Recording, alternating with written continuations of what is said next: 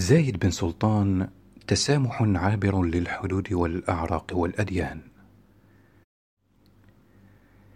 كلمتان وجب بكل المقاييس أن تسبق التعريف بالمغفور له الشيخ زايد بن سلطان آل نهيان طيب الله ثراه. هما المؤسس والأب. فالمؤسس الملتزم بالإسلام بأعلاء قيم التسامح الإنساني داعيا البشر التمثل بالخالق الرحمن المسامح. وحضهم على العفو عن الآخر.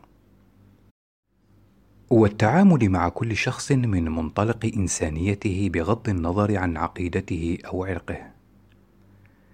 قد انتهج المغفور له بيقين العارف مسلك الارتقاء الإنساني تاسيسا. واختار التسامح والعفو مرجعا لوضع حجر أساس لدولة غدت نبراسا مضيئا. يباهي بالتسامح قيمة إنسانية عليا حتى يومنا هذا. أليس هو القائل؟ نحن بشر لكننا إخوة. ومن يسير على هذا الطريق ومن يرغب بالسير على غيره. المصيب بمثابة أخ والمخطئ أيضا هو أخ لنا. فلم لا نساعد الأخير وندله على الصواب؟ ونسامح المخطئ إن أخطأ حتى يفهم أننا ننقذه ولا نتركه ولا ننبذه. بل نقدم له النجدة ونساعده حتى يعود للطريق الصحيح.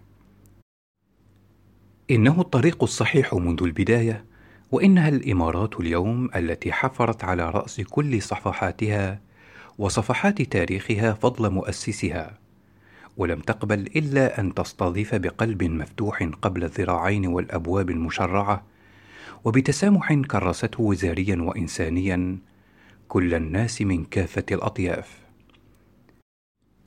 إنه الطريق الذي أودت خطواته إلى هوليود وقرارها صناعة فيلم وثائقي يكرم المغفور له الشيخ زايد بن سلطان ويلهم العالم المتمادي العودة إلى النهج الإنساني اولا على نهج الشيخ الأب المؤسس وقيمه الممتدة من الدين الحنيف.